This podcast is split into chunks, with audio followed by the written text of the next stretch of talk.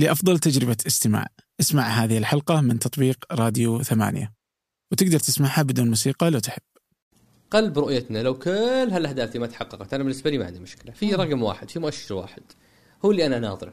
وهذا هو اللي يفرق معي حقيقة لأنه هو لب كل هالرحلة. يعني هذا بالنسبة لي هي الدليل البراءة اللي أستخدمه دائما مع مع أي شخص يقول لي مطبل بأنه أنت يعني بس قاعد تمدح. أنا قاعد أقول أنا في لحظة معينة كنت قلق من المستقبل. يعني بكل بساطة الرؤية تمثل بالنسبة لي أمل. وأرى فيها كثير من المبادرات اللي يجب أن تترك ألم. أيوة. ويا ريت هذا يكون الجزء اللي أنت يعني آه، تستخدمه. آه، إني لا أمثل أي جهة رسمية ولا أعمل مع أي جهة. أتشرف بذلك لكن هو هذا شرف لم أبلغ.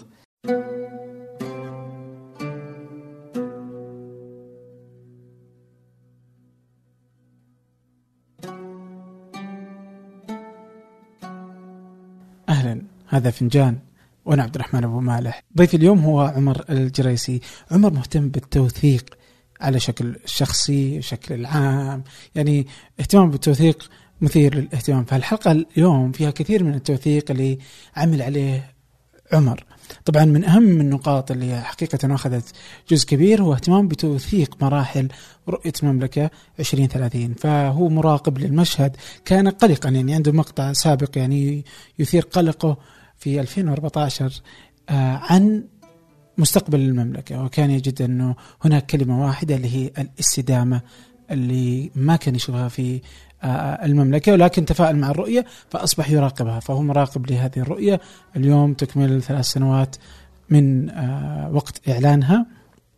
فحديث عن ماذا حصل خلال هذه الأعوام الثلاث ما هو المستقبل بوجهة نظره واهتمامه بالتوثيق بشكل عام. قبل أن نبدأ لا تنسوا متابعة ثمانية على حساباتها في شبكات التواصل الاجتماعي على فيسبوك تويتر انستغرام وكذلك يوتيوب آه، آت ثمانية في جميع شبكات التواصل الاجتماعي. وكذلك لا تنسوا مشاركة الحلقة مع من تعتقدوا أنها تهمه. أما الآن لنبدأ. أهلا عمر. يا هلا وسهلا. يا هلا وسهلا والله. شعور جميل إني أكون فان ولا جمهور ل لمنتج وبعدين ألقى نفسي ضيف فيه. بالعكس والله شرف لي يعني. أنت عمر يعني رائع. و يعني تدري ان كلمناك من زمان سنة كاملة. صح. سنة كاملة. آه بعدين أنت كنت واضح في التواريخ. أنت تحب التواريخ كثير؟ أعتقد إن مخي مصمم بطريقة إنه يأخذ كل شيء على شكل timeline. ف... فهذه متعبة بس إني فهمت نفسي فصرت كل شيء أحطه في timeline عجيب والله. فلانك طلبت سنة. اي والآن مرت ما. نسيته ما شاء الله عليكم. والله شيء جميل. لانك عمر. يعني بعدين لا. قدرك. لا لا بعدين في شيء ثاني ذكرنا بعد. ها. إنك داخل الجو. اي إي، أوه إي. بدأت المنافسة اي ها منافس هذا شو؟ نتعلم منك. حبيبي الله يسعدك. آه سقراط؟ صحيح. سقراط بودكاست سقراط يعني. فكرته بيكون آم، مع قيادات التحول لل- للرؤية؟ صحيح. يعني ال- الفكرة بدأت بأنه صار لي فترة أسجل في سناب شات آه، ستوريات عن رؤية وعن برامجها وأحداثها وكانت تجيني أسئلة وتجيني استفسارات وأخجل. ما أجد لها إجابة والناس تعتقد لما أتكلم عن شيء إني أنا موظف أو مسؤول أو أو آه، يعني لي دور رسمي في الموضوع فاقول يا جماعة أنا مالي دخل أنا مجرد قرأت وثيقة ولا خبر لخصته وبسطته ونشرته للناس. بعدين مع مرور الوقت ومع مرور الحديث عن ال- المحتوى المتعلق بالرؤية بدات بدأت أبني علاقات مع مع ال- المسؤولين الشباب وهذه فتحت لي نافذة أني أسألهم وأستفسر منهم واكتشفت إنه في شيء عندهم الناس تحتاج تسمعه وفي شيء عند الناس المسؤولين يحتاجون يسمعونه. فقلت ربما هذه منطقة جيدة إن الواحد يعني آه، يحاول يجمع ال- ال- ال- الطرفين. وبودكاست آه، سهل نوعا ما. أقل يعني مجهود في التحضير لأني ماني متفرغ آه، والإعداد. مو في التحضير في, في الإعداد والإنتاج. آه، ومن هنا انطلق آه، بودكاست سقراط. وليش الاسم؟ اي الاسم آه، أنا شخص آه، سؤول كثير الأسئلة. مم. و... و... يعني وأصحابي ينتقدوني. كثير في هذا الجانب لأني ممكن أجلس جلسة ساعة ساعتين مثلا آه، مشاركاتي كلها أسئلة. آه، وهذا بالنسبة لهم مستفز ومقزز أحيانا ومزعج.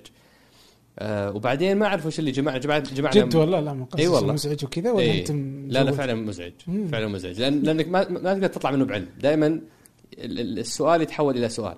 آه يسألني سؤال فالرد يكون سؤال وليس جواب. وأستخدم هالوسيلة لأني أجدها آه، جيدة في إيصال الأفكار.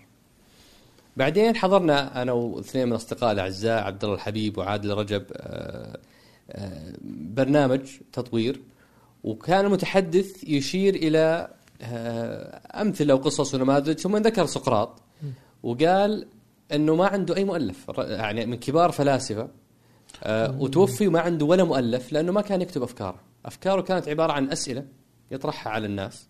و و ويوصل أفكاره من خلال هذا النوع من الأسئلة والجدل والنقاش اللي يجري مع مع الآخرين. فعلى طول التفتوا أخوياي قالوا هذا سقراط ذما وليس مدحا. فجاز لي يعني هذه أجمل سبة قد تلقيتها.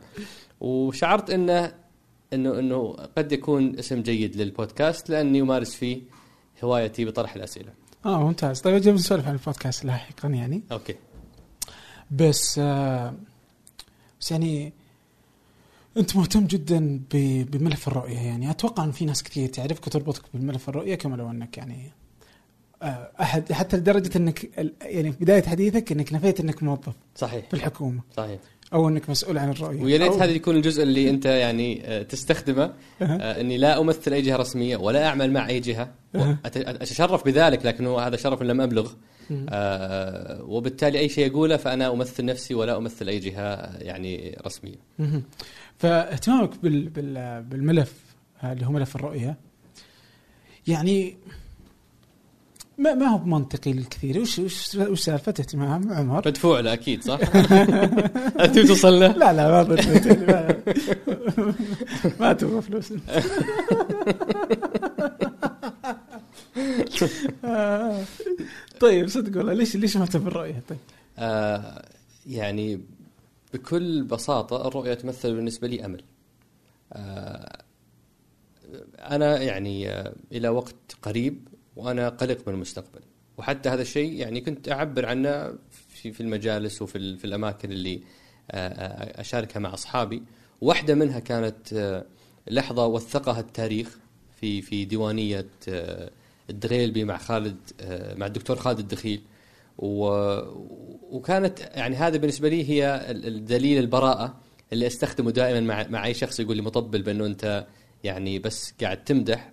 أنا قاعد أقول أنا في لحظة معينة كنت قلق من المستقبل وكنت آه، آه، غير متفائل لأنه رغم أنه كانت حالة جيدة وإيجابية وكل الناس مبسوطة بالإنفاق العالي ومبسوطة بال- بالرفاهية اللي كنا يعني نعيش فيها بس كنت أراها ليست مستدامة ولو هاللقاء يعني أبغاه يطلع بشيء معين. أو بكلمة واحدة هي يستفيد منها يعني يستفيد منها المستمع هي كلمة أننا نتحول نحو الاستدامة. آه، فأنا ما كنت أشوف الاستدامة موجودة سابقا. فكنت أعبر عن قلقي في مقطع فيديو اذا اذا ممكن تسمعه لل- للناس وبعدها أصبحت أشوف في محاولة لتغيير ذلك الوضع غير المستدام. فهذه المحاولة قاعدة تشكل بالنسبة لي مصدر أمل. فأنا لست متفائل لأنه اليوم الأمور ممتازة. مم. ما زلنا ما زلنا نواجه تحديات وما زلنا امامنا يعني ما زال أمامنا العديد من العقبات ولكنها حالة محاولة إنقاذ أو حالة محاولة إصلاح تجعلني أشعر بالأمل مقارنة بوضع سابق لم يكن هنالك حتى محاولة للتصحيح بل كانت الأمور تزداد صعوبة مع مرور الوقت آه، آه، مما يجعلني أكثر قلقا. ففي الوقت اللي الناس كانوا مبسوطين أنا كنت قلق. في الوقت اليوم الناس قد يكون بعضهم منزعج أنا أشوف أننا في وضع أفضل. وهذا يخليني أتعمق أكثر وأحاول أشارك آه، آه، آه، بقدر ما أستطيع في رفع الوعي. عجيب. طيب أنا الحين بشغل مقطع. أوكي. هو مقطع يوتيوب. بحطه برضه في وصف الحلقة لأن الناس اللي تبغى تسمع كامل. بشغل المقطع بس يعني في ملاحظة. يا رب ما يسمعون الكل. لا لا. أجل الحين الناس تسمع كله؟ لا لا بس آه شو اسمه؟ يعني حتى في حسابك في انستغرام تنزل صور يعني آه علاقتك مع ال- مع السمنة غريبة. يعني أنا كنت أمثل يعني. متذبذب بشكل فظيع. مزعجة لك ولا عادي؟ تمشي وتنحط لا والله؟ مزعجة مزعجة جدا. بس إنها تعكس يعني آه، آه، حالة متطرفة آه، في في كثير من سلوكياتي. آه، بإني إذا شديت شديت ومرة انضبطت و- وحققت نتائج مذهلة وبعدين لما أنشغل بشيء ثاني أدخل فيه بكلي وبعمقي آه، وبعمق فأهمل الجانب الصحي. فهي فهي فهذا التذبذب يعكس حالة متطرفة في كثير من السلوكيات. اي لأن حتى في إنستغرام أنت تحط تواريخ واضح إن ال timeline عندك ماشي بكل مكان. إيه. بالتواريخ بتشوف صح. مرة أوه نحيف عمر بعدين شيء ها صحيح. بعدين. يرجع. فأنت متذبذب يعني. أنا تذبذبت ما بين 74 إلى 101 والله؟ فيعني تتكلم عن أكثر من 50% زيادة طالع نازل. فيعني الحين نرجع لسؤالك في جلسة الدغيلبي خلينا نشغلها بس إن شاء الله. مرة ثانية؟ آه. هلا عمر. الواحد محاط بحاله من الطمانينه متعلقة بالجانب الاجتماعي والجانب السياسي والجانب الاقتصادي. في في 2010 2011 ثلاث أركان هذه مرة واحدة اهتزت. اللي هي انه في تحديات سياسية كبرى داخلية وخارجية. نعم بدأنا نسمع عن المصدر مصدر دخل الوحيد وهيكلنا الاقتصادي مضروب لأنه معتمد على البترول اللي هو اما سينفذ أو سيتحول إلى استهلاك الداخل. وال- وال- وال- والركن الاجتماعي بعد ما بدأت الحوارات تصير بالعلن وبالأسماء الصريحة اكتشفنا أنه في أحزاب وفي تق- تقسيمات وفي حوارات غير ناضجة كثيرة. أنا جالس أتكلم اليوم انه انه كثير من الناس قلقه على المستقبل. هل هذا صحيح؟ ونستنير أنا اتخيل دعني اتكلم عن نفسي. اني أنا قلق من المستقبل. داخل قلق في المستقبل. فهذا الكلام في 2014 يوم الناس آه، كثير منها مبسوطة بحالة التنمية بالمشاريع بالإنفاق الحكومي واللي أنا يعني ممتن كثيرا لأني في بلد ولله الحمد ينفق بهذا الشكل. آه، فأنا لا يعني لا أقلل من هذا الإنفاق وقيمته ولكني قلق من أنه غير مستدام. ف فيا ريت هذا المقطع يكون هو دليل براءتي بأني لست مطبل لأني لو كنت مطبل كان أيضا حطبل في في في هذيك الفترة. بينما سبب تط- يعني آه، آه، حديثي الإيجابي في هالمرحلة إني قاعد أشوف محاولة تصحيح أو محاولة إنقاذ مختلفة عن المحاولات السابقة. اللي هي من خلال برنامج الرؤية. اللي هي من خلال رؤيه رؤية رؤية 2030 وبرامجها التنفيذية والإصلاحات الاقتصادية بشكل عام. طيب إيه، أنا أتوقع إنه واضح إنه بالنسبة لي على الأقل يعني إنه ما يعني ما أنت ما دخلت إلا وأنت فعلا كنت قلق بعدين صرت يعني مهتم لهذا البرنامج اللي جالس يأخذنا إلى مكان مختلف. نعم. أوكي. بس وش المشكلة في في مفهوم اللي كان أول؟ يعني وش كان اللي يقلق يعني؟ وش كانت الاستدامة يعني بالضبط اللي كانت مقلقة لعمر يعني؟ جميل. يعني أنا أحب لما أسمع شيء إني أتأكد منه. فكنت أسمع في المجال سالفه إنه الخطط الخمسية تنويع الاقتصاد ما صار منها شيء. فرحت فتحت موقع وزارة الاقتصاد والتخطيط وأحييهم إنهم وفروا كل الخطط التنموية التسع لل 45 سنة اللي فاتت. أنا بنفسي فتحتها يعني ما ما قيل لي ذلك. فتحتها آه، آه، خطة خطة وبدأت أقرأ في أهدافها. فها هدف الخطة التنموية الأولى خطتنا التنموية الأولى اللي كانت في عام 1970 فيها ثلاث أهداف. الهدف رقم ثلاثة هو تنويع مصادر الدخل الوطني وتخفيف الاعتماد على البترول. هذا الكلام في عام 1970 لما نروح للخطة التنموية الثانية أو الخطة الخمسية الثانية في عام 1975 نلاقي الهدف الرابع تخفيف اعتماد اقتصاد المملكة على صادراتها من الزيت الخام عن طريق توسعة القاعدة الاقتصادية للمملكة هذا الكلام 1975. الخطة التنموية أو الخمسية الثالثة في عام 1980 الهدف الرابع آه تخفيف الاعتماد على إنتاج النفط الخام كمصدر رئيسي للدخل الوطني. وهكذا تستمر كل الخطط الخمسية لين آخر واحدة اللي هي الخطة التنموية التاسعة في 2010 حتلاقي الهدف الخامس تنويع هيكل الاقتصاد الوطني. طيب هذه رحلة 45 سنة ونحن نستهدف تنويع مصادر دخل الحكومة وتنويع هيكل الاقتصاد. ما النتيجة؟ في عام 2014 اللي هي آخر اللي هي نهاية الخطة التنموية التاسعة نجد نجد أنه 89% من دخل الحكومة هو من إيرادات النفط. ونجد أنه 85% من صادراتنا غير نفطية. فمعناته هدف صار لك 45 سنة تحاول تحقيقه ولم تنجح. قطعا قطعا الطريقة السابقة لن تنجح. لا تتوقع نتائج مختلفة وأنت تكرر نفس الفعل. فاليوم أنا قاعد أشوف محاولة مختلفة ل- لتجاوز هذا التحدي. وش مشكلة هذا التحدي اللي هو الاعتماد على على مصدر دخل واحد؟ مشكلة هذا التحدي إنك أنت اليوم تعتمد على سلعة. هذه السلعة أشبه ب يعني هريفي كذا صغير وحوله خمسة ذيابة. هذا هذا المصدر الدخل الوحيد لنا. ان سلم من النضوب لأنه سلعة ناضبة. ان سلم من النضوب فهو لن يسلم من الاستهلاك المحلي. إحنا كنا نستهلك تقريبا 30% مما ننتجه لعملية إنتاج الكهرباء وتحلية المياه و و و والاستخدام الداخلي. فإحنا نستهلك هذا النفط ولو استمرينا بنفس الوتيرة هذه سنصل لمرحلة إنه نفطنا ما يكفي استهلاكنا فضلا عن أننا نصدره ونجيب منه فلوس. فهذا الذيب الثاني اللي ممكن آه، سلعتك الوحيدة. الذيب الثالث إن إحنا أمة تنمو. عدد السعوديين حسب تصريح وزير المالية زادوا 50% في آخر 15 سنة. فهذا العدد الضخم من من من السكان المتصاعد المتزايد سيحتاج إلى خدمات زيادة. وبالتالي لو اليوم دخل النفط يكفينا ما حيكفينا بكرة لأنه السكان يزيدون. الذيب الرابع هذا النفط اللي هو اليوم يمثل مصدر طاقة للكثير من آه، آه، آه، الصناعات والمجالات. من يضمن لنا أنه يستمر؟ الفحم كان في فترة معينة وانتهى. اليوم إحنا نشوف السيارات الكهربائية ليست خيال علمي. السيارات الكهربائية اليوم واقع موجود عندنا. السعودية نفسها اليوم قاعدة آه، تنتج الكهرباء أو ستنتج الكهرباء من الشمس ومن الرياح في سكاكا وفي دومة الجندل. وقاعدين نشوف دول كثيرة يعني قطعت شوط في هذا الموضوع. فقد تصحو يوم من الأيام وتجد أن آه، دول العالم أصبحت تعتمد على مصادر الطاقة المتجددة وسلعتك هذه رغم توفرها ورغم كفايتها لم تعد مرغوبة فمن وين تمول ميزانيتك؟ فعشان عشان نحطها في الإطار الصحيح عبد الرحمن 89% من ميزانية الحكومة جاية من بيع النفط فتخيل هذه الميزانية بدون بيع النفط كيف شكلها؟ مخيفة يعني فهذا هو مصدر بالنسبة لي قلق ال- النظري أو المنطقي.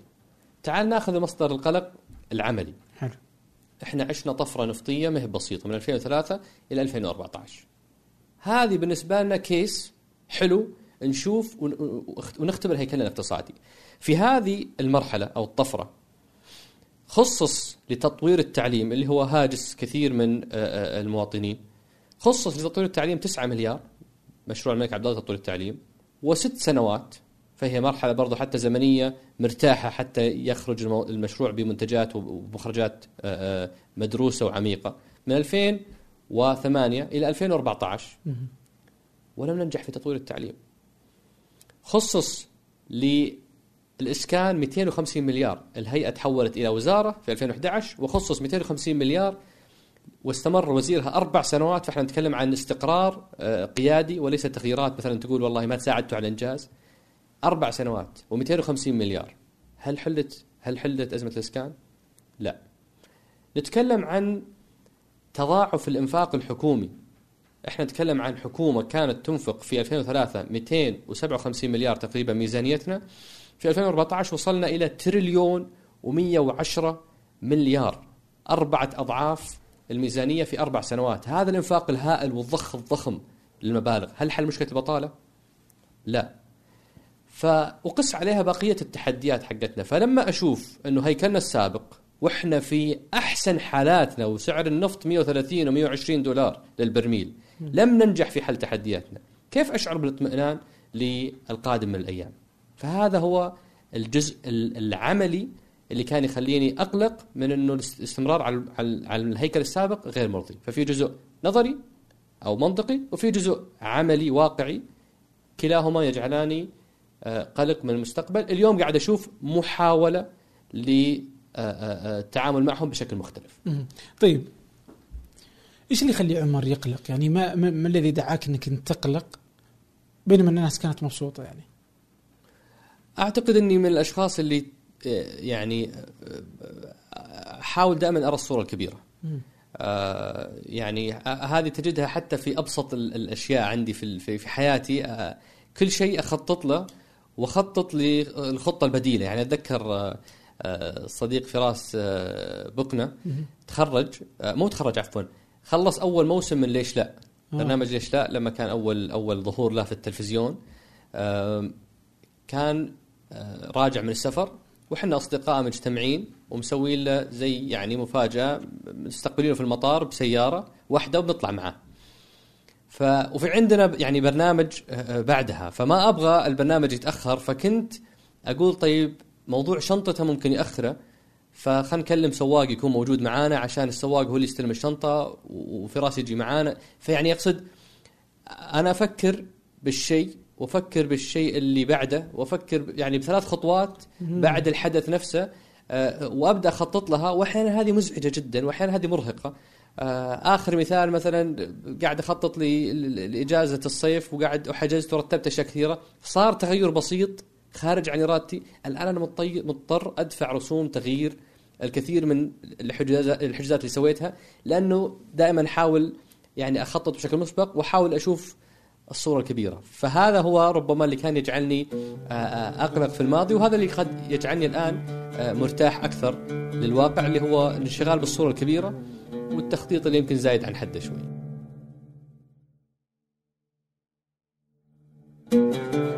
كيف تشوف الصورة الكبيرة اليوم؟ يعني إذا جالس تبغى تقرأ أنت قرأت أول إنك قلق. إي. اليوم كيف تقرأ المستقبل؟ أنا أعتقد إنه فيه مصدر أمل كبير جدا بالنسبة لي نابع عن محاولة مختلفة لتغيير الواقع. ومحاولة مختلفة لتحقيق الأهداف. ترى لو مسكنا أهدافنا ورؤيتنا ما حنلاقي شيء جديد عن اللي كنا نسمعه سابقا. ما زلنا نستهدف كنا نستهدف جذب الاستثمارات الأجنبية ما زلنا نستهدف جذب الاستثمارات الأجنبية. كنا نستهدف تنويع مصادر الدخل ما زلنا نستهدف تنويع مصادر الدخل. كنا نستهدف رفاهية المواطن ما زلنا نستهدف فكل هذه لم تتغير. اللي تغير اليوم وسيلة أو طريقة آه، آه، آه، تحقيقها. فاحنا نتكلم مثلا عن إعادة هيكلة الدولة من رأس الهرم مجلس الشؤون الاقتصاديه والتنميه مجلس الشؤون السياسيه والامنيه أصبحت كل هالأجهزة ترجع لها ففي تنسيق في تكامل ففي وضوح في الرؤية وفي مركزية في اتخاذ القرار. هذه في مراحل التغيير مطلوبة. المرونة واللامركزية ما تصلح في مراحل إدارة التغيير أو إدارة التحول.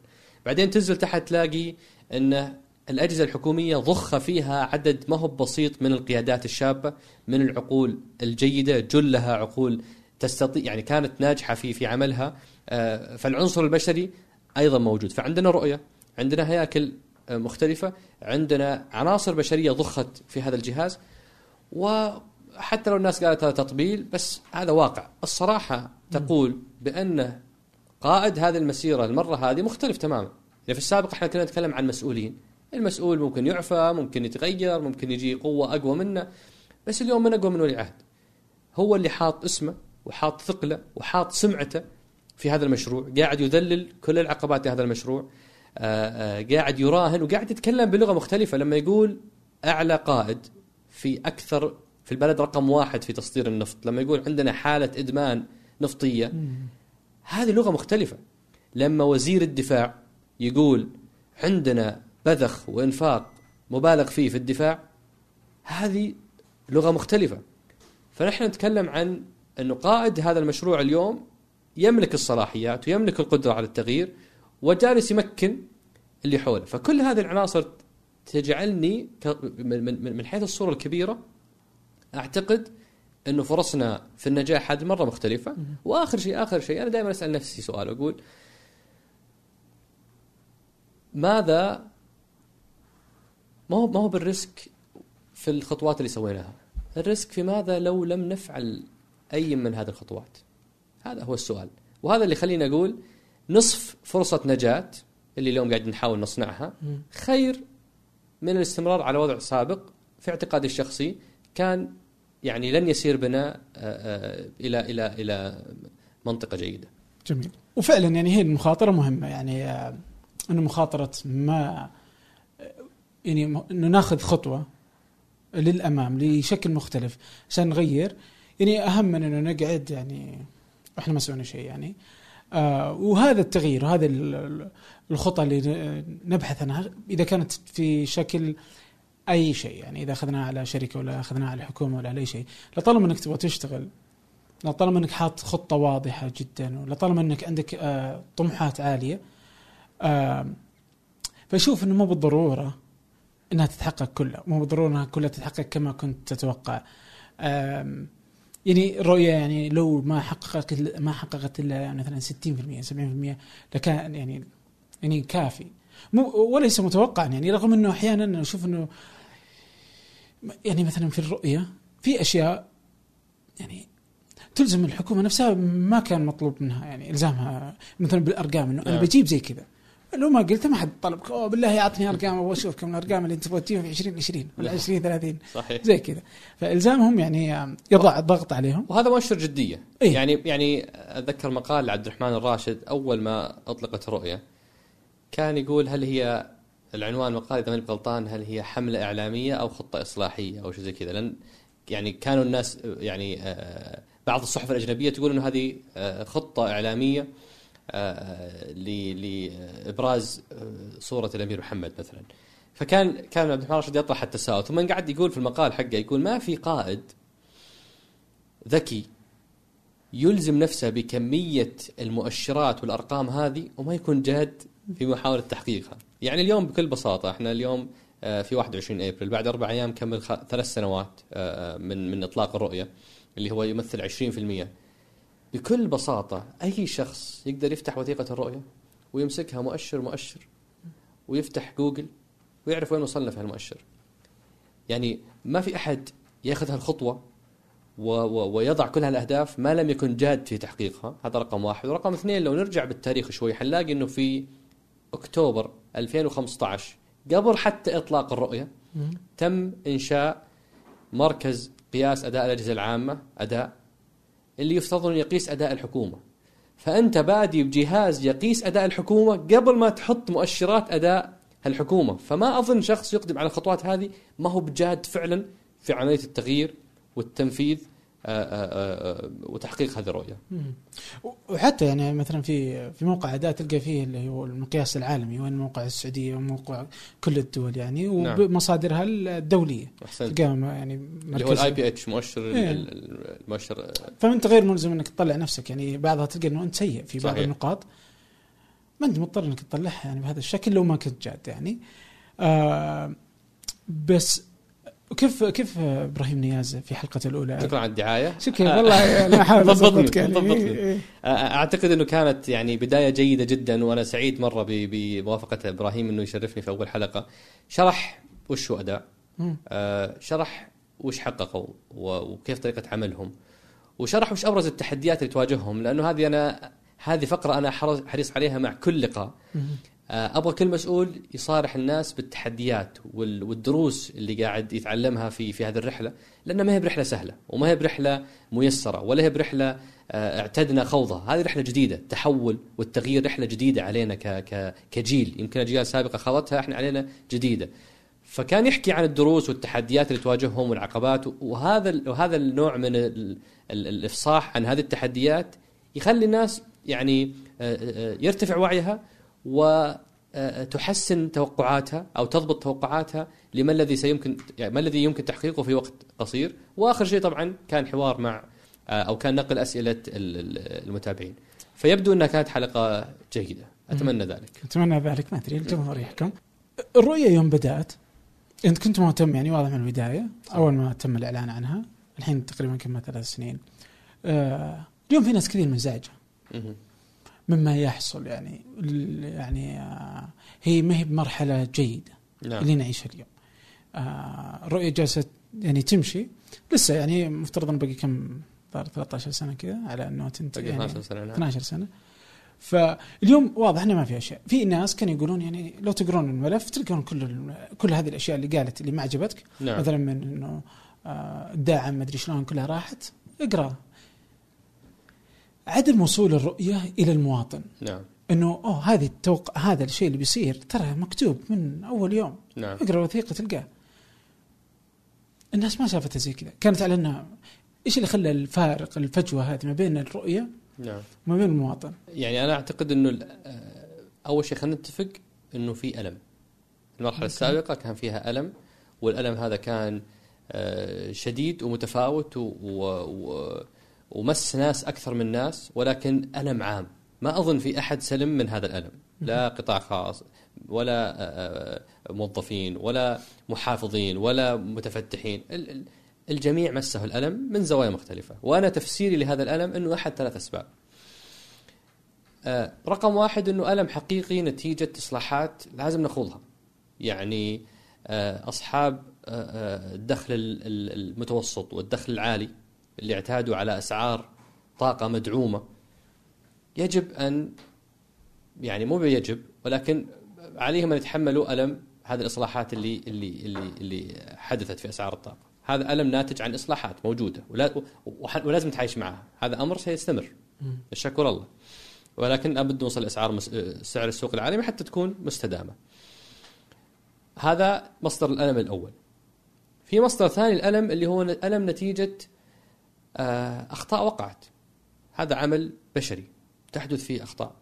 آم، وهذه الأخطاء تترك ألمها. على سبيل المثال لما يبدأ برنامج التوازن المالي ويكون الهدف هو 2020 فترة قصيرة جدا لإصلاحات قاسية. بعد ذلك تم تمديده إلى 2023 فهذا فالألم اللي اللي كان في البداية هذا نتيجة آه، آه، أخطاء بشرية تحدث ويتم تصحيحها. آه، نتكلم عن مثلا إنشاء هيئة توليد الوظائف وبعدين إلغائها. هذا تصحيح. ففي ألم ينتج عن ذلك. ناس تعاقدت معاها آه، زودتها بمشاريع آه، ناس آه، كانت تشتغل فيها وبعدين آه، آه، أعفيت.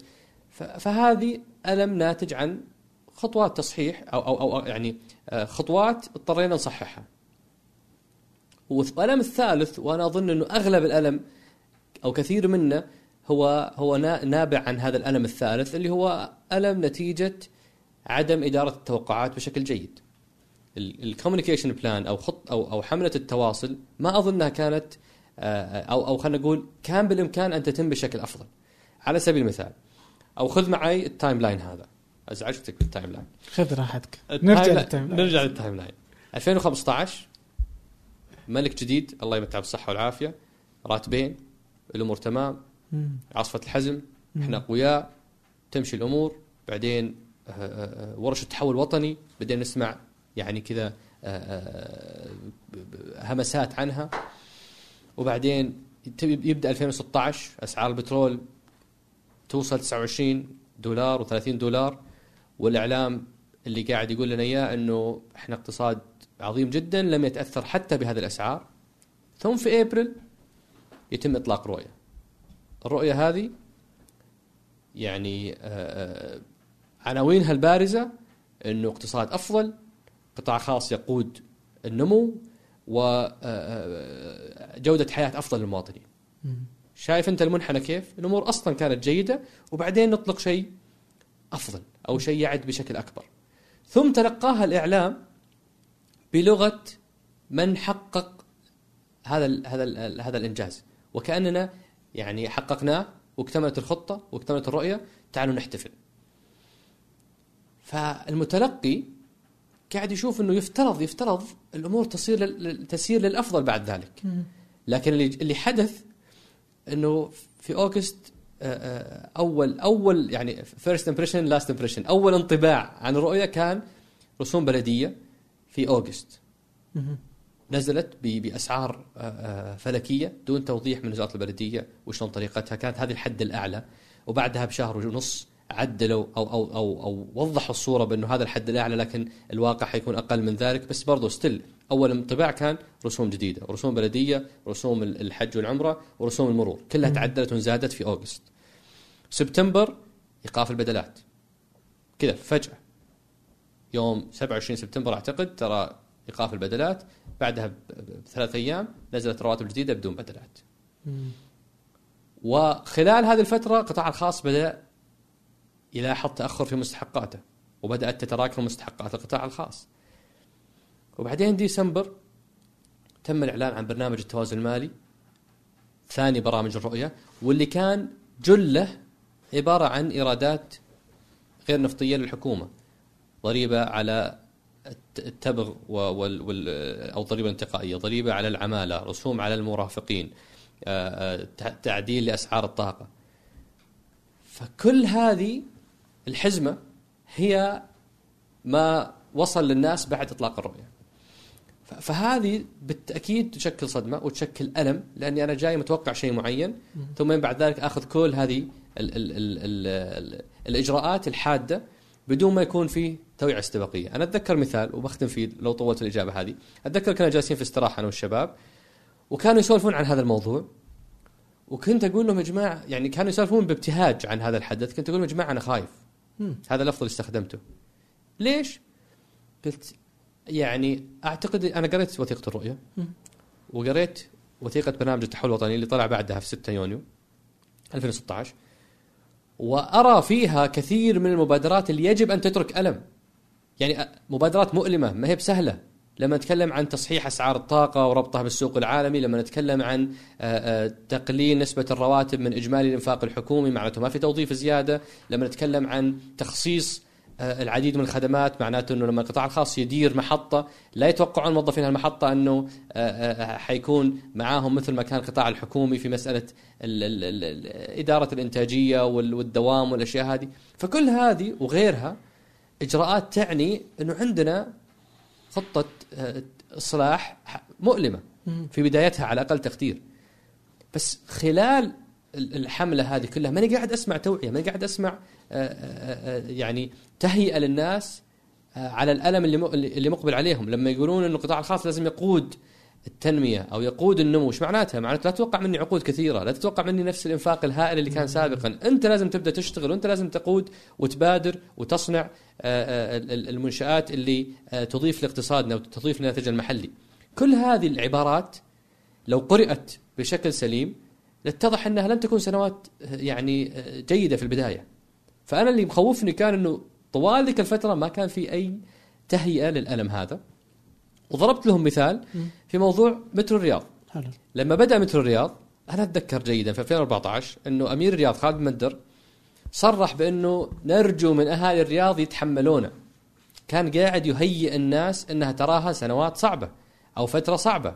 وأطلقنا دليل... تطبيق دليل الرياض عشان الناس يستخدمونه في الوصول لمواقعهم بدلا من ال... ال... ال... ال... الشوارع اللي فيها تحويلات أو الحفريات. وعدة إجراءات كانوا أتذكر يرسلون المنشورات تخيل. يدورون على طريق العليا تحديدا لأنه كان فيه أكبر يعني آه، تعطل. كانوا يدورون على المحلات يوزعون عليهم بروشورات أو منشورات إنه ترى حيتقفل المنطقة هذه حتقفل حيكون فيها تحويلة وهذا حيكون شكل التحويلة البديلة وهذه أرقامنا لو عندك أي استفسارات وفي عندهم رقم مجاني للتواصل والاستفسار أو تقديم ملاحظات كل هذه تهيئة إنه يا جماعة ترانا مقبلين على مرحلة مؤلمة. ولذلك أعتقد إن الرياض يعني تعاملت مع الأمر بشكل آه، آه، جيد وساعد في رفع وعي الناس. هذا لم يحدث مع إطلاق الرؤية. ولذلك كان الألم الثالث هو ألم إدارة التوقعات آه، آه، ربما هو هو يعني آه، اللي صعب هذه المرحلة على الناس. طيب هل اليوم يعني نقدر نشوف إن إدارة التوقعات جالسه تتحسن ولا نفس الشيء ما تغير شيء؟ ظلينا فترة طويلة ل- يعني من وجهة نظري الشخصية لا يعني يعني بإمكاننا إدارتها بشكل أفضل إلى أن أعتبر نقطة التحول الجيدة هي مثلا لقاء ولي العهد في آه، 2 أكتوبر 2018 مع بلومبرج كان يتكلم بلغة جديدة لغة مختلفة لغة تمهد لهذه المرحلة على فكرة حتى ولي العهد لما في إطلاق الرؤية مع تركي الدخيل وبعدها في المؤتمر الصحفي اللي موجود أيضا في اليوتيوب كان يتكلم عن ألم، كان يتكلم عن في البداية في في البداية حتكون سنوات صعبة، تكلم عن في البداية قد نعاني من ركود اقتصادي أو أو نسبة نمو آه، سلبية. هذه كانت تنقال بس كانت تضيع وسط العناوين البراقة الحالمة الم- المتطلعة للمستقبل، فولي العهد من من البداية وهو كان يعني يرسل رسائل للتهيئة بس اللغة الإعلامية بشكل عام كانت لغة متفائلة. أعود إلى موضوع أكتوبر 2018 لقاؤه مع بلومبرج كان لقاء لقاء مختلف جدا. اللغة أصبحت لغة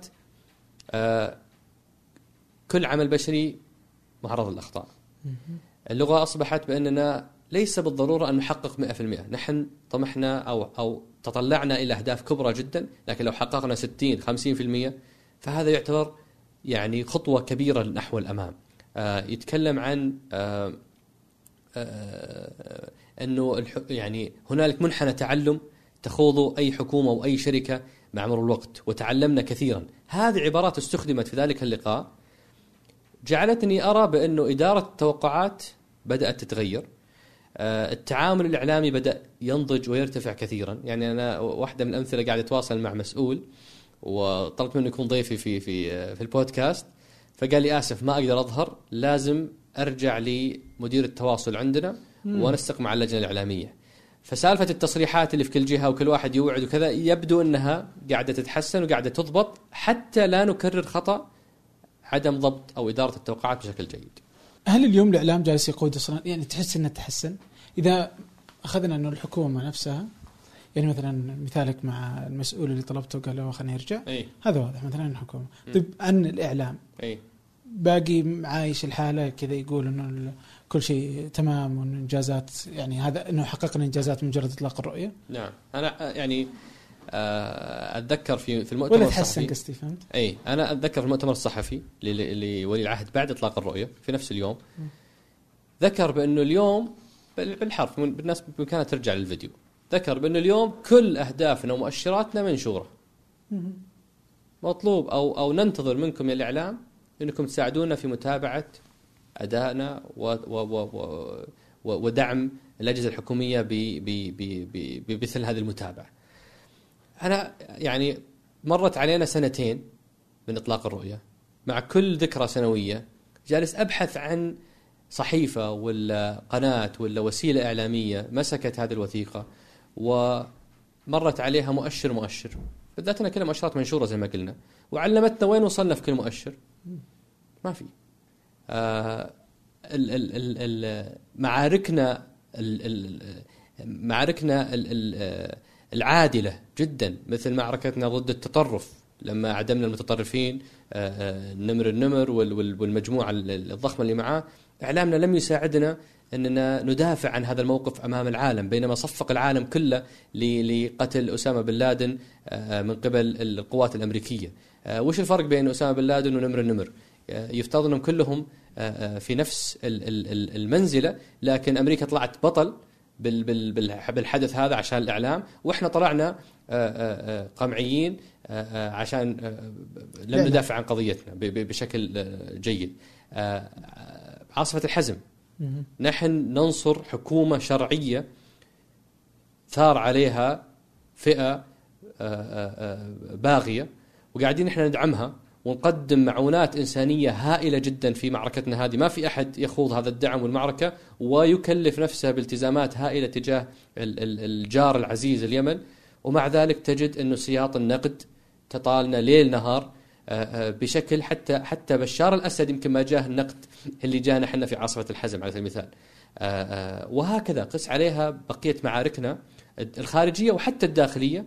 لا آه، آه، يساعدنا ويقف معنا ويوعينا آه، ويدافع عن قضايانا بالشكل الجيد. أبسطها وهذا آخر مثال. آه، عندنا أكثر من 1300 مؤشر. 1300 مؤشر في الرؤية وبرامجها التنفيذية. هل وجدنا من صحفنا أو آه، قنواتنا التلفزيونية من يتبنى هذه المؤشرات؟ ويتابع أدائها. أنا ما ما أنكر كل الجهود بس أنا قاعد أقول بشكل عام بشكل عام أعتقد هنالك مساحة تطوير هائلة جدا في الإعلام ليتواكب مع التغير اللي قاعد يصير في بقية نواحي البلد.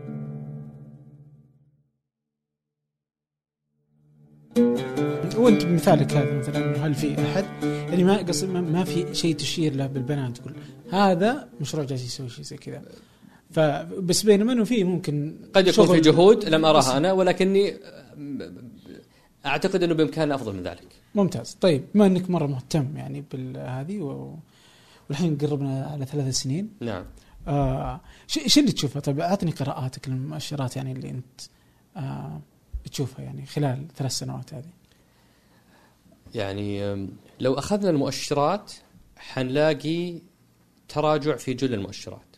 مم. في الحكو... في مؤشر الحكومات الإلكترونية تراجعنا. في مؤشر الخدمات اللوجستية تراجعنا.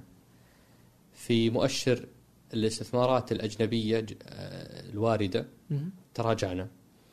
آه، في وفي مؤشرات أخرى تقدمنا فيها. يعني مثلا آه، نسبة ممارسي الرياضة مم. آه، كانت 13% إحنا وصلنا ل 23% آه، في ال- ال- الصادرات غير النفطية كنا 15% تقريبا وصلنا 22% آه، ففي مؤشرات تقدمنا فيها في مؤشرات تراجعنا فيها.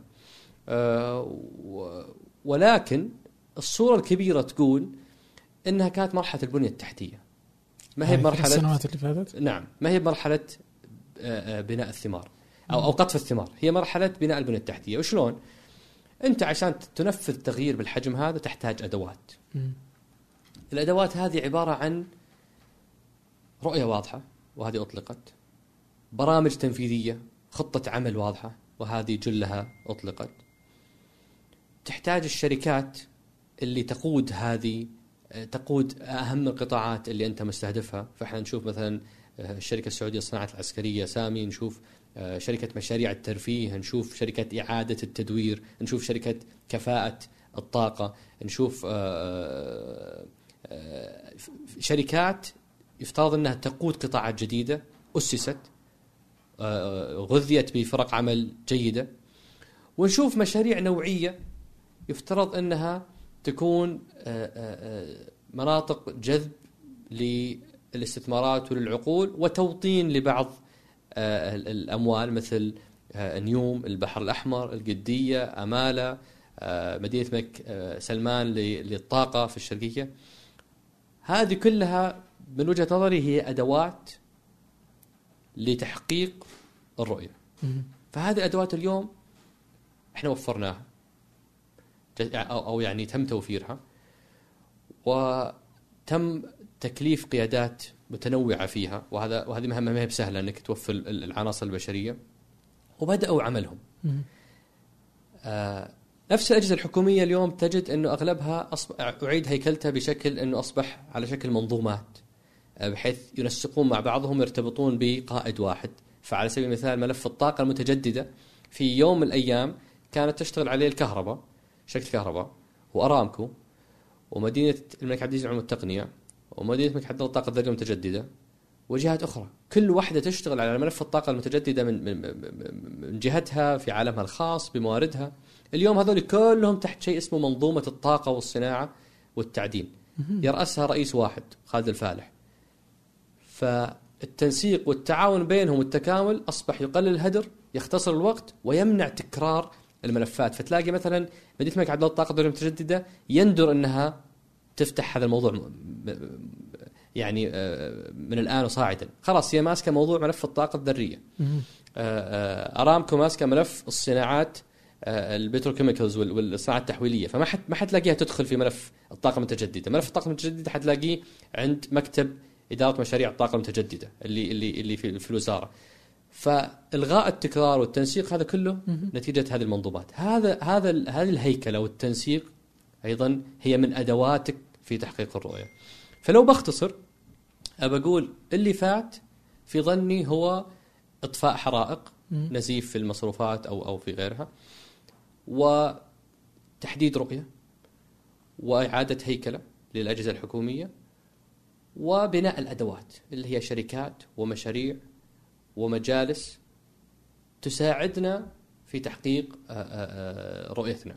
ومع ذلك كان في بعض الإنجازات ال- ال- السريعة على الطريق مثل سهولة الإجراءات. إحنا نلاقي يعني اليوم نعيش طفرة صراحة في كثير من الإجراءات.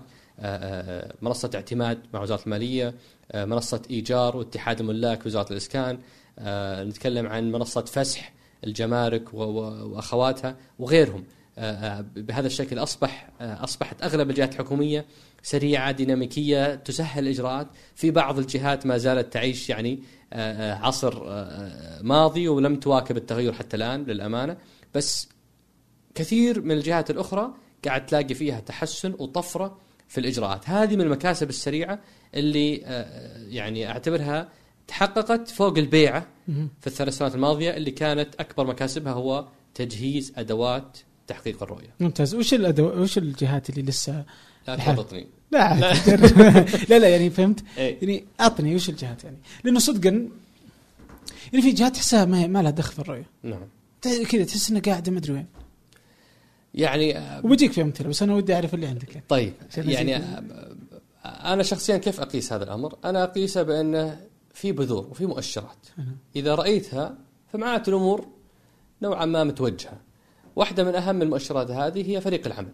لما تجد قيادات ممكنة آه، فهذا مؤشر إن الأمور يعني في طور التغيير. لما تجد مبادرات تحولية آه، آه، تنزل لأرض الواقع هذه مؤشرات.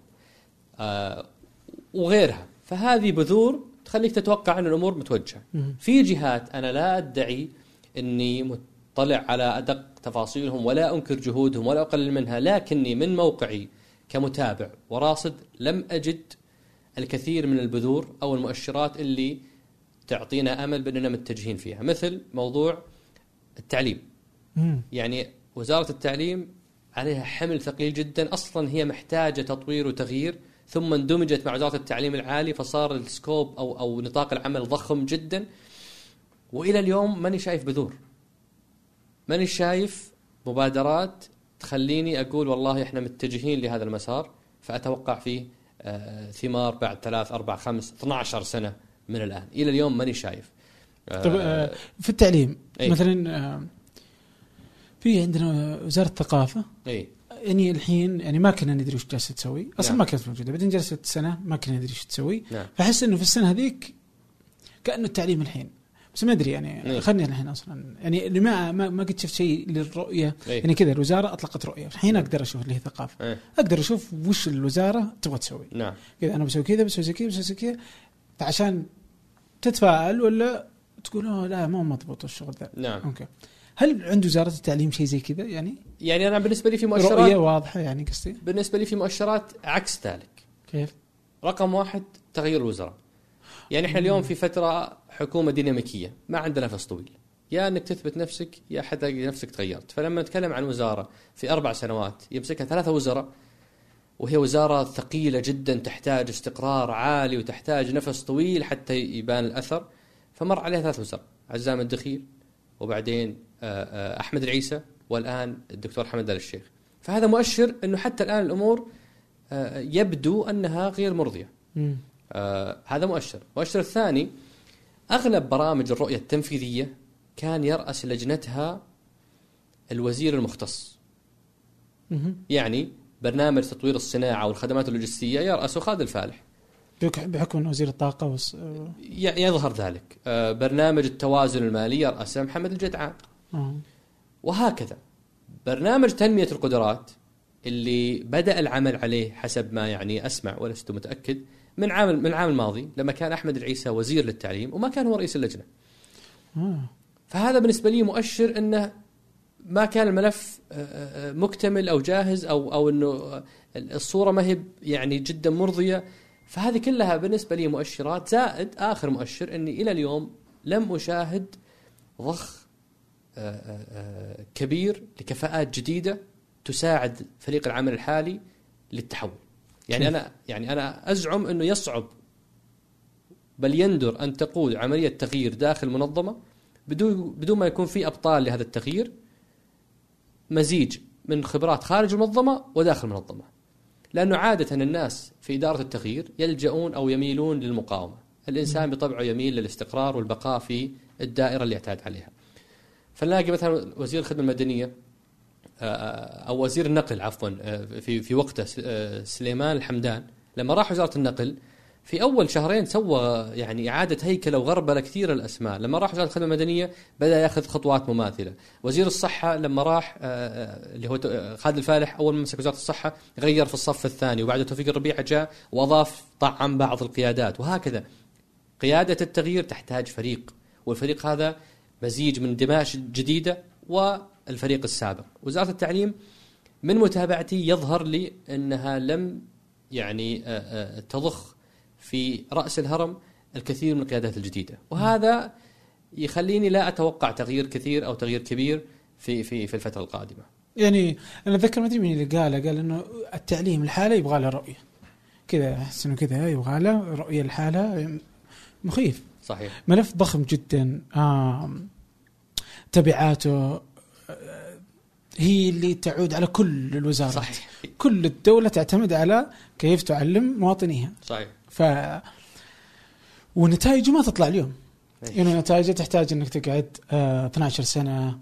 حتى إنك ترى النتائج بعدين برضو يدخلوا الجامعات فتنتظر أربع إلى خمس سنوات حتى إنهم يطلعون. بعدين يبدون يشتغلون فتبدأ تقيس يعني. يمكن تأخذ إلى 18 20 سنة عشان تقيس ما مدى قراراتك اللي اتخذتها قبل 20 سنة. فهل يبقى الوزير نفس الوزير 20 سنة؟ هذا غير منطقي لأنه لازم يتغير.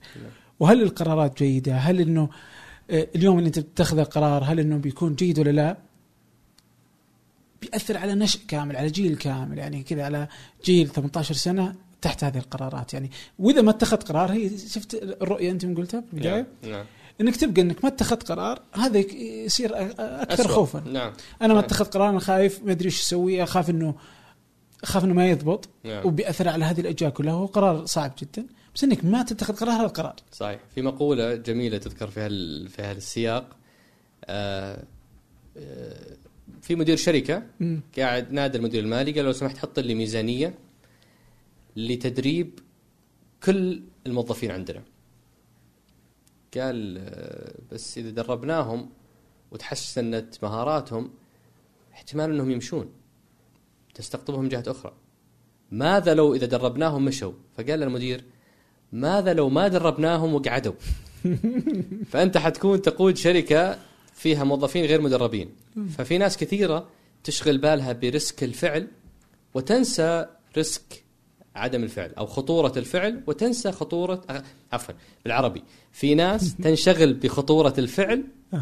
وتنسى خطورة عدم الفعل اللي قد تكون أحيانا أكبر. فعلا. وهو نفس الرؤية. نعم. أن تفعل هذا هي مخاطرة يعني تحتاج إنه قرار جريء إنك تسويها وإنك ما تسويها خطر أكبر. خطر أكبر اللي هو كيف كنا قبل كذا يعني وفقا برضو للبداية. في في بعض النقاط اللي تكلمت فيها يعني كان التعليم واحد الحين أخذنا شوي نعم. منه. طبعا أنت كنت مهتم بالتعليم ودي إيه، دام إنه دخلنا في التعليم. سم. آه إنه أنت لما تتكلم عن التعليم أحس إنه هذا كان محور كامل بالنسبة لي بس إنك أخذت جزء كبير نعم. منه. التعليم أنت اليوم مهتم فيه أصلا في الأساس يعني وعملت في هذا المجال يعني آه في مدرسة يعني نعم. فواضح إنك كنت منزعج من الموضوع من زمان وأنت جالس تتكلم مع آه، الوزير آه، وزير سابق آه، الأمير فيصل. فيصل بن عبد الله. ده كان عام كم؟ آه هذا عام 2011 2011 إي. لا إله إلا الله. والله أنت منزعج من زمان. أيوه لا الحين صرت هادي شحلين اول مزعج أكثر. أيوه الحين أنت مبسوط مطبل الحين. آه. آم، الله يخليهم مطبلين اللي زيك يعني, يعني آه شو اسمه. فايش كنت تشوف التعليم؟ إيش كانت مشكلتك مع التعليم يعني أصلا؟ يعني اللي خلاك أصلا تدخل المجال مو مجالك التعليم. صحيح. خليني أحكي لك الحكاية من بدايتها بشكل مختصر. أعطني. أنا طالب فاشل دراسيا لم أكن جيد. وكنت يعني أزعم في الثانوية بأنه نظام التعليم لا يشجع المبدعين والعظماء زيي. آه آه فيعني أقنعت أو حاولت إقناع آه مستثمر أو شركة استثمارية أنها تستثمر في هذا القطاع. قالوا لي أنت بزر في الثانوي ارجع كمل دراستك. آه هذا وانت في الثانوية؟ اي هذا كان الفكرة في الثانوية. لأني من يعني تعرف واحد قاعد يعاني من من نظام التعليم فيعتقد إنه في مساحة هائلة لتحسينه وأزعم إنه لم يمر على كل السعوديين مرحلة لم يفكروا فيها يوم من الأيام ببناء مدرستهم الخاصة ولا نظام تعليمهم الخاص لأنه هم الجميع. ولكن يمكن أنا كنت أكثر جرأة ورحت وحاولت وورطت نفسي بهذه بهذه الخطوة. المهم في الثانوي ما ضبطت عرفت وش المشكلة؟ المشكلة إني سني صغير واني آه، آه، ما املك الخبرة ل ل- أو سني صغير فما املك الخبرة لإدارة مدرسة. وفي نفس الوقت المستثمر يبحث عن عن أرقام عن دراسة واضحة. فلما صرت في الجامعة حليت له المشكلتين هذه. جبت له قائد تعليمي متمكن وجبت له شركة استشارية سوت الدراسة وجبت له الفرصة. قلت له هذه فرصة قائمة. إحنا من ثاني سنة ممكن نبدأ نحقق أرباح. فأنت كمستثمر حتكون مبسوط بأرباحك. أنا كممثل للمستثمر حكون مبسوط إني أطبق أفكاري وأحلامي في تطوير التعليم. من خلال هذا القائد الخبير المختص هو بيدير العملية هذه. فأنا يعني زي ما يقول حجرته. ما عاد أعطيته فرصة. أعطيته كل الأشياء اللي يبغاها. بالفعل تم الاستحواذ على مدرسة في 2008 وكان عندي قائمة لا نهائية من الأحلام والتطلعات والخطط. فاصطدمت بالواقع. الواقع اللي يقول اللي, يده في في ال- في المويه مو مثل يده في النار.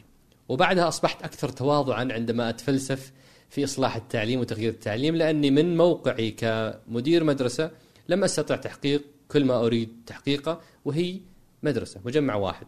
10000 متر مربع آه، 2000 طالب وطالبة آه، حدود آه، 200 أو أو 250 آه، معلم ومعلمة وإداري وإدارية. ومع ذلك لم أنجح في تحقيق كل ما أتطلع عليه لأنه الحكي سهل والواقع غير. مثال واحد عن الحكي سهل آه، أول ما آه، استحوذنا على المدرسة كثير من الأمور جلسوا معي نبغى يا أخوي اللغة الإنجليزية يعني ضعيفة في المدرسة محتاجين تطوير لها لازم تطورونها مدري إيش.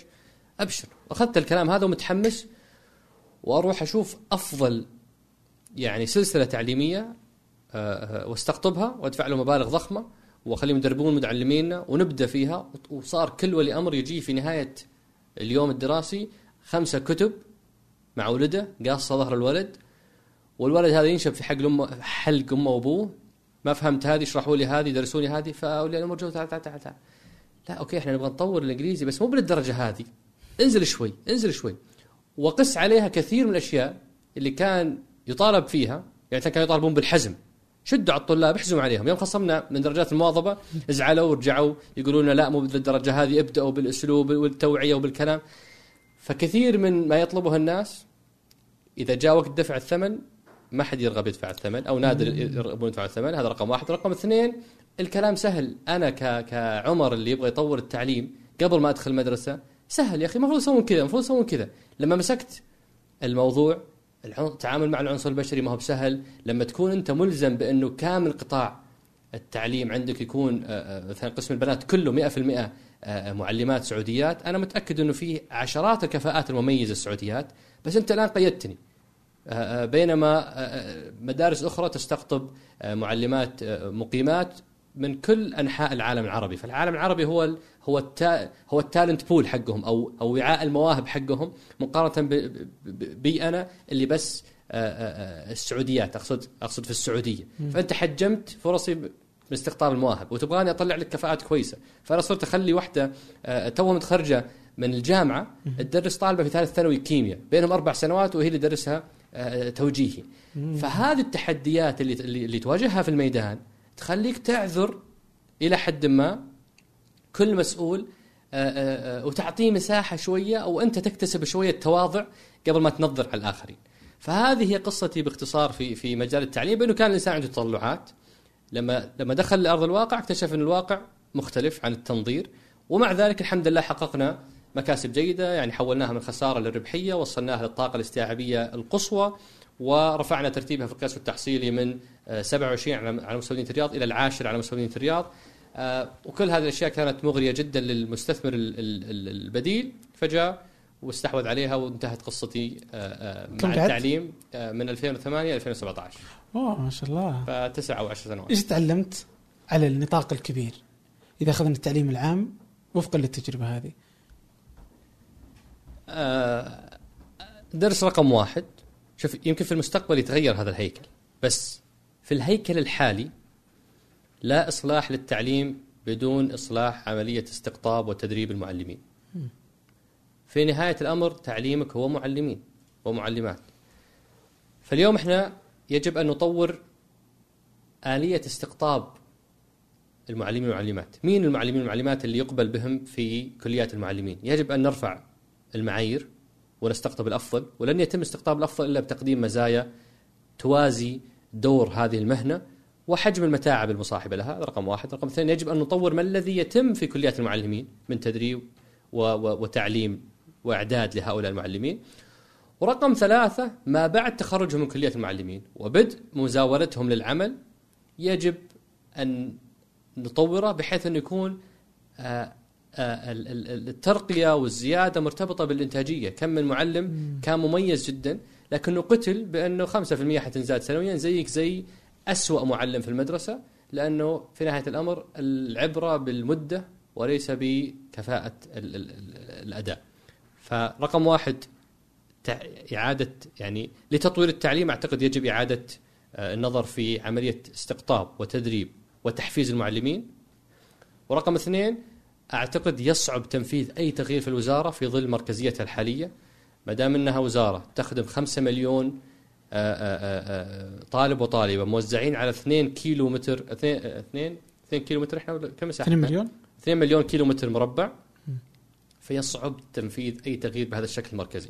هذا الجهاز الضخم ال- آه، ما حقول المترهل ولكن المتضخم. أعتقد أعتقد أنه لو تحول إلى 13 وزارة تتنافس فيما بينها على تطبيق أفضل السياسات ويكون فوقهم جهاز واحد يضع الرؤية ويضع ال- ال- الأهداف من التعليم ثم هذه الوزارات ال 13 الصغيرة تتنافس فيما بينها في تطبيق أفضل معايير التعلم ومنهجيات التعليم آه، قد نستطيع تحقيق تغيير. بس في ظل المركزية أشعر أن ال- الحمل ثقيل والمسافة ما بين صانع القرار وما بين الطالب مسافة جدا جدا بعيدة.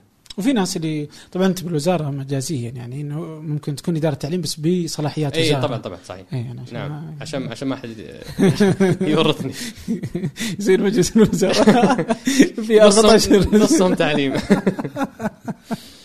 آه لا بس في ناس فعلا يعني تشوف انه هذا المس... يعني في حلقة سابقة للدكتوره منيره جمجوم نعم. وفي حلقة كذلك على ثمانية ثلاثة ارباع ل آه، آه، إبراهيم إبراهيم إبراهيم آه، مش- مشاري الابراهيم نعم آه، فيتكلمون عن هالمفاهيم في بعضهم ينزل حتى من إنه إدارة التعليم لما تصبح هي مسؤوله عن المنطقة إنه يجب إنه يتمكن حتى مدير المدرسة يعني إنه يمكن من قدرته في في في إنه صناعة آه، شكل معين للمدرسة فيكون نعم. عنده قرارات يقدر. يغير فيها ويضبطها كذلك برضه هو الأكثر ازعاجا هذه نقطة اللي تصير حتى في كل الحكومات يعني أتوقع أو في أغلبها اللي هي إنه موظفي الحكومة إذا سوى أقل شيء ممكن مطلوب منه. نعم. فهو بياخذ نفسه زي زي الباقيين صحيح. ما حد بيسوي له شيء ولا شيء زي بس إذا بدأ يبدع بدأ يبتكر ويسوي أشياء جديدة فاذا المعلم بدأ يطلع عن الإطار الموجود له سواء أو حتى الدكتور في الجامعة فجاء يسوي أشياء كثيرة فبتبدأ بتطلع معه أخطاء. فممكن يعاقب فالعقاب وارد لأنه ممكن يغلط. نعم. وإذا ما غلط وصار تمام ما بيصير له ولا أي شيء. صحيح. يعني ما في أي محفزات إنه يسوي شيء صح. بل بالعكس العراقيل وال- والعقبات قد تكون أكثر. إيه فهذا أمر آه، مزعج. طيب هذه نقطة التعليم، في نقطة سابقة برضو اي أنت قلتها يعني أن التعليم هذا جزء من أجزاء الرؤية المهمة. نعم. في البطالة، اي يعني نقدر نشوفها ونجي نقول أوكي الرؤية الحين لها ثلاث سنين البطالة. يعني ما تغيرت يعني البقاله زادت. يعني ها. البقاله البطالة زادت. إحنا إحنا لما انطلقت الرؤية كانت يعني فهذا البطالة أسوأ يعني. 11.6 مم. آه آخر تقرير كانت 12.7 آه ملف البطالة مثلا من الملفات اللي مر عليه أربع وزراء في أربع سنوات بمعدل وزير كل سنة. بدأ بعادل الفقيه ثم فرج الحقباني ثم آه علي العطية اسمه علي العطيه أعتقد دكتور علي والآن أحمد الراجحي. فهذا مؤشر بالنسبة لي من المؤشرات إنه هذا الملف مو قاعد يمشي. مم. آه، يعني هذا هذا استنباط شخصي ولا أعلم. قد يكون تحليل خطأ. بس لما تغير وزير أربع مرات في وزارة فهذا معناته الأمور ما هي ماشية بشكل آه، مرضي. لما تنشأ هيئة لتوليد الوظائف ومكافحه البطاله ثم تلغى فمعناته إنها ما قامت بدورها المطلوب. آه، وهكذا العديد من ال- الأمور. اللي مرتبطه بهالملف تشعر إنها لسه ما قطعت شوط. أنا ما زلت صراحة لا أعلم كيف سيتم حل تحدي البطالة. آه، لست خبير في هذا المجال ولكن آه، سأستند إلى مقولة لغازي القصيبي الله يرحمه آه، نغفل عنها كثيرا. يقول غازي القصيبي بأنه في أشياء كثير لازم نسويها ولكن آخر السطر نقطة يعني الكلمة اللي بعدها نقطة. لن تحل مشكلة البطالة ما لم ينمو الاقتصاد بنسبة أكبر من نمو السكان. إحنا عندنا اقتصاد نمو طفيف لأنه لأن إحنا معتمدين على النفط وعلى الإنفاق الحكومي وعندنا يعني شعب نسبة النمو فيه عالية جدا. حسب تصريح وزير الإسكان زاد زادت نسبة المواطنين 50% في آخر 15 سنة. 300 ألف تقريبا يتخرجون سنويا من الثانويات أو من الجامعات. فإحنا نتكلم عن يعني سوق العمل يدخلها العديد أو, أو عشرات ال ال ال عدد ضخم من, من الناس الاقتصاد ما هو قاعد ينمو بنفس هذا المقدار فلن يتم خلق آه، آه، آه، وظائف كافية. في ناس تقول طيب يا أخي المقيمين اللي موجودين في القطاع الخاص. مم. أنا أقول نعم نحتاج ان نقوم بعمليه توطين كبيرة. ولكن خلينا نأخذ الأرقام بكل بساطة. عندنا اليوم قرابة 8 أو 9 مليون مقيم في القطاع الخاص.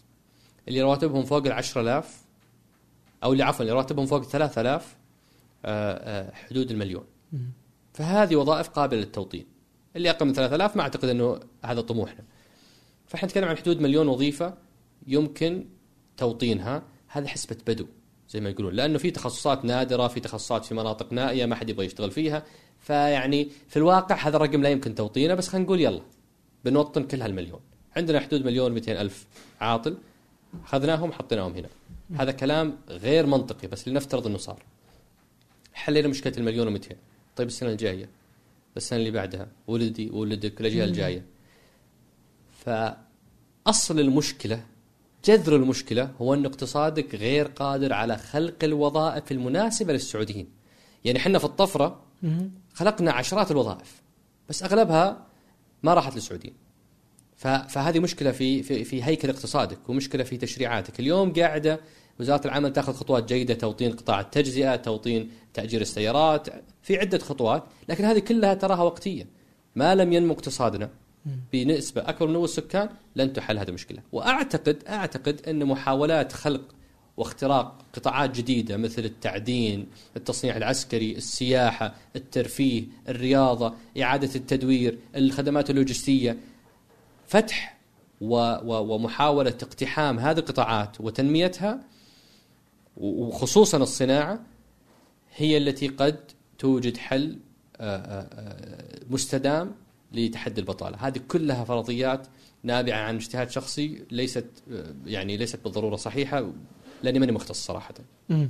طيب أنت اليوم تتحدث عن الرؤيه بشكل كبير ومهتم جدا فيها مراقب نعم. لمشهد الرؤية يعني نعم.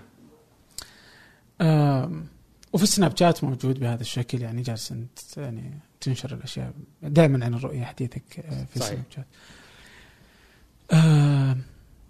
كونك قريب كذا كيف تشوف الرؤية من من الداخل يعني؟ آه، أنا أعتقد الرؤية لو بنلخصها هي عبارة عن تحديات تواجهنا قاعدين نحاول نحلها إسكان بطالة تعليم صحة.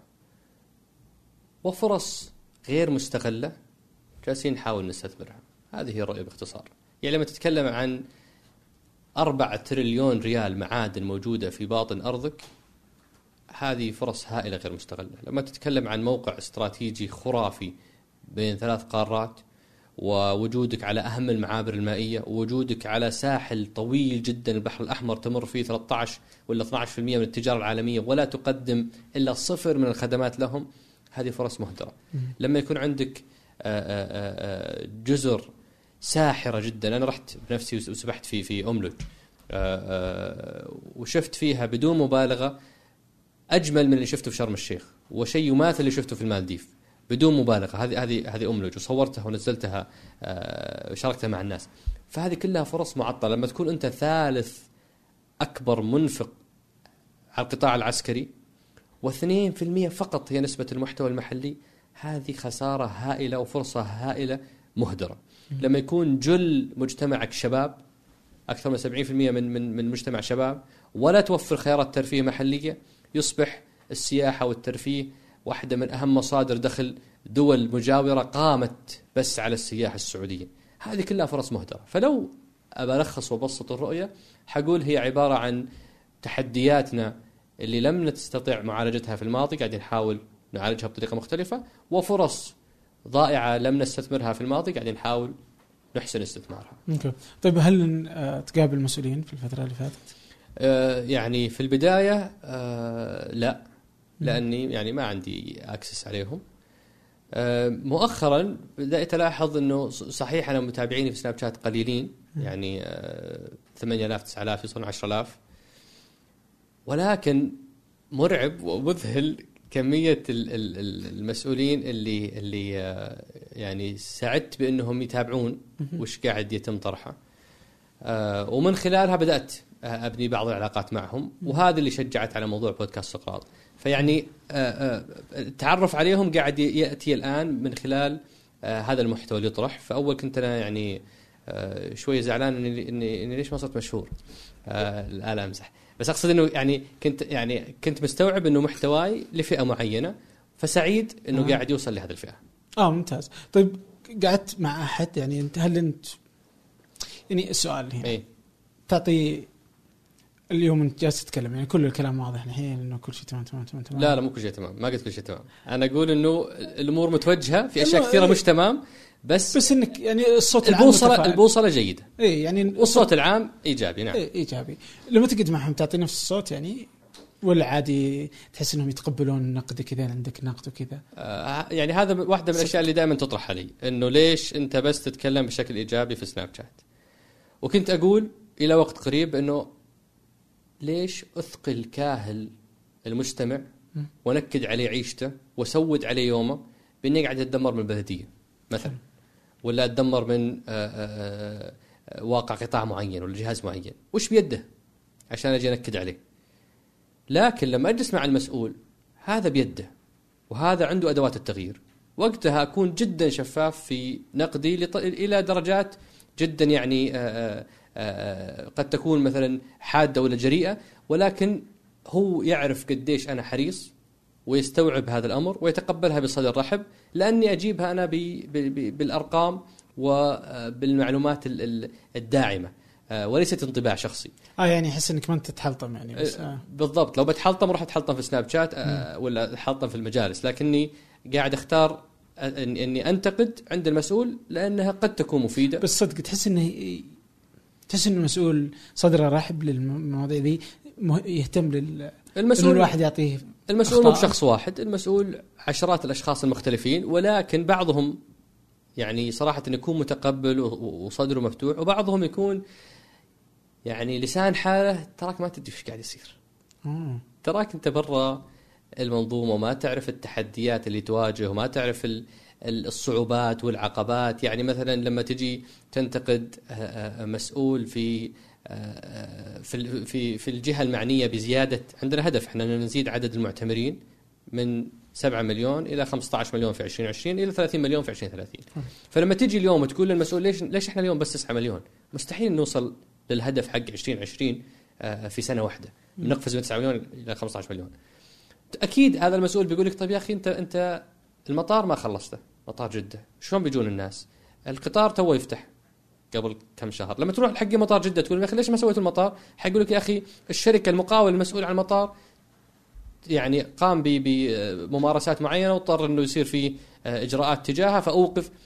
ف ففي أحيانا عقبات تمنع المسؤول من القيام بأعمال معينة المتابع من الخارج قد لا يراها والمسؤول قد لا يكون عنده المساحة إنه يقدر يعبر عنها ويحكي عنها بشفافيه فلو بلخص إجابتي على سؤالك بأن في مسؤولين يعني يتقبلون ويستقبلون هذه الملاحظات وهم كثر وفي مسؤولين مقيدين أو أو قد لا تكون الظروف يعني تساعدهم على الإنجاز.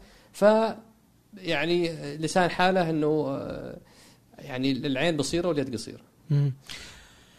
كيف تشوف آه، 2030 هل إنه إحنا بنحقق 50% منها مثلا؟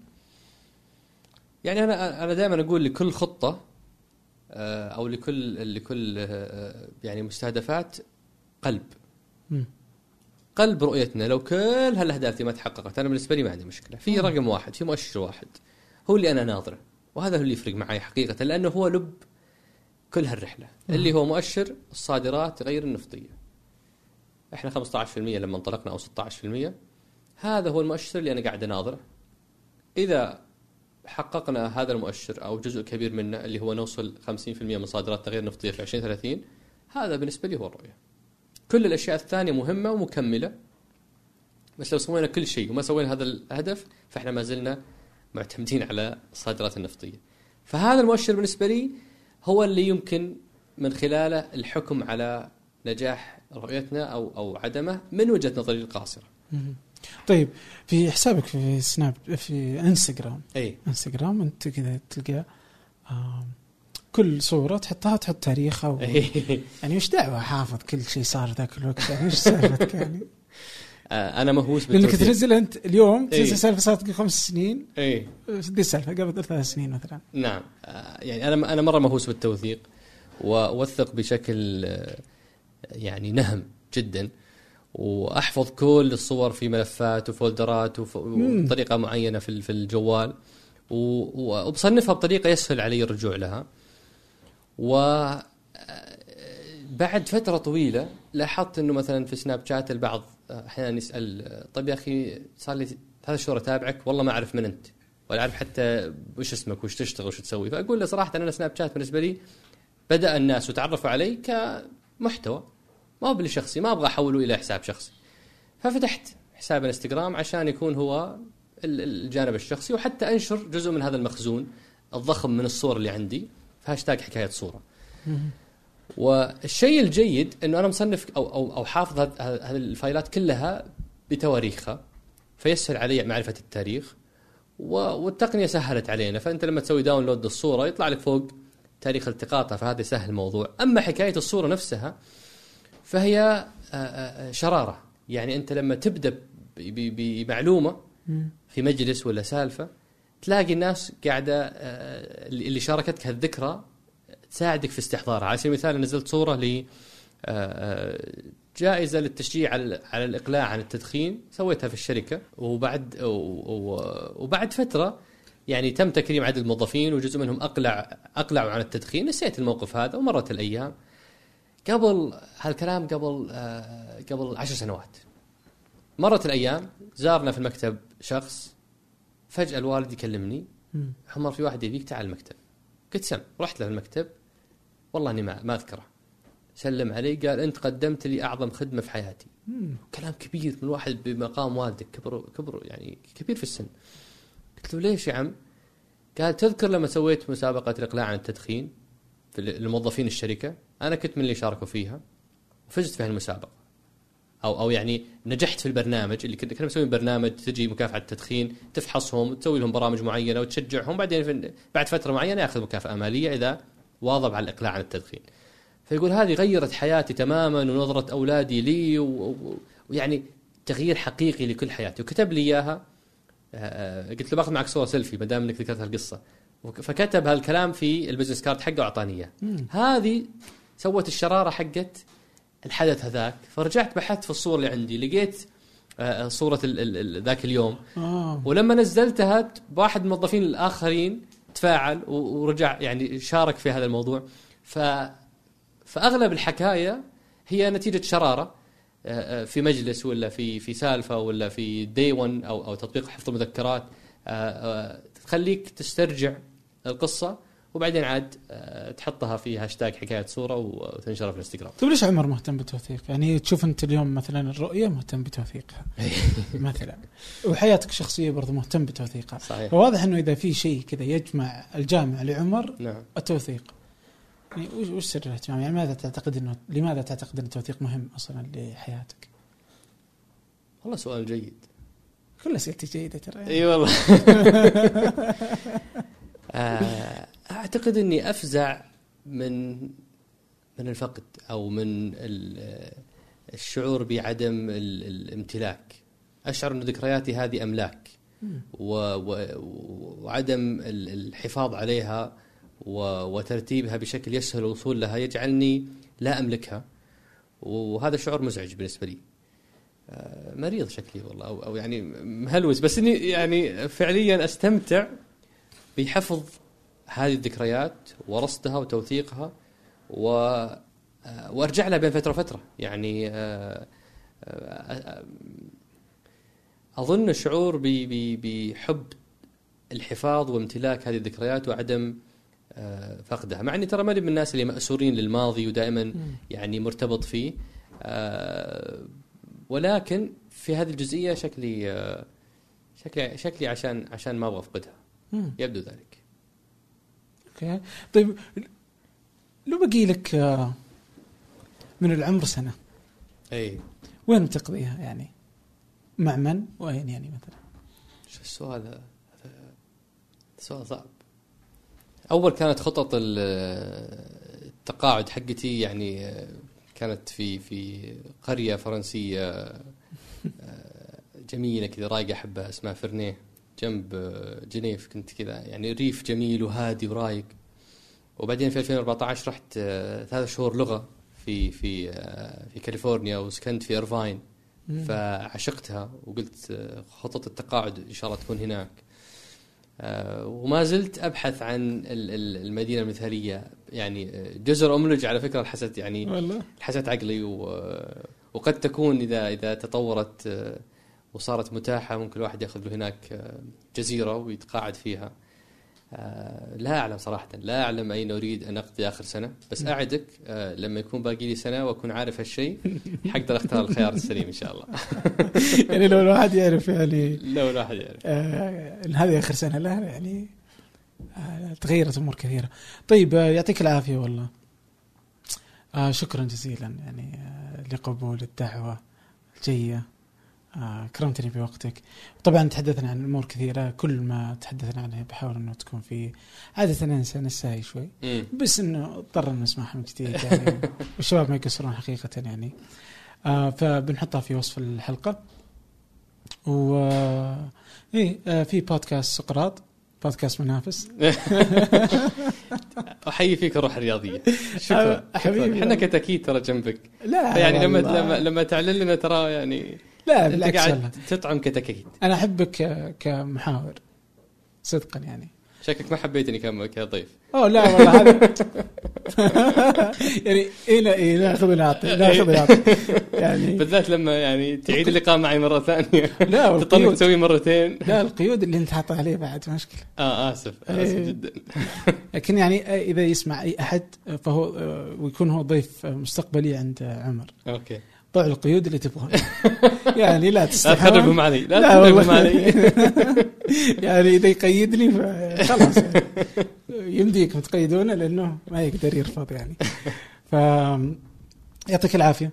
سقراط موجود على ايتونز حساباتك أنت موجود في ليش مو موجود تويتر؟ صدق يا. بس انستغرام و... وسناب. تويتر مجتمع قاسي شوي يعني. آه. و... و... ويصعب أن تقول يعني أو أو يصعب أن تذكر فيه شيء وتكون مطمئن إنك للأبد لن تحاسب عليه.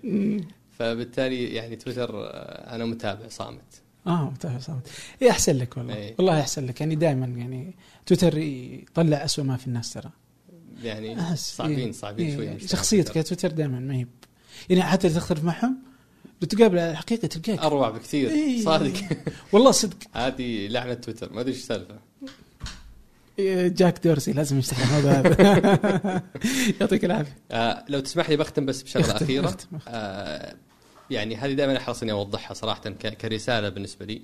لما نتفائل ب- آه، بالمستقبل أو لما نتكلم بإيجابية عن الواقع هذا لا يعني ابدا خلوة من آه، من أخطاء أو فرص تصحيح أو ملفات يعني كلها مكتملة. لا في الكثير من آه، ما يمكن عمله بشكل أفضل من وجهات نظر متعددة. آه، بس هذا لا يلغي الأمل أو التفاؤل بتجربة ناجحة.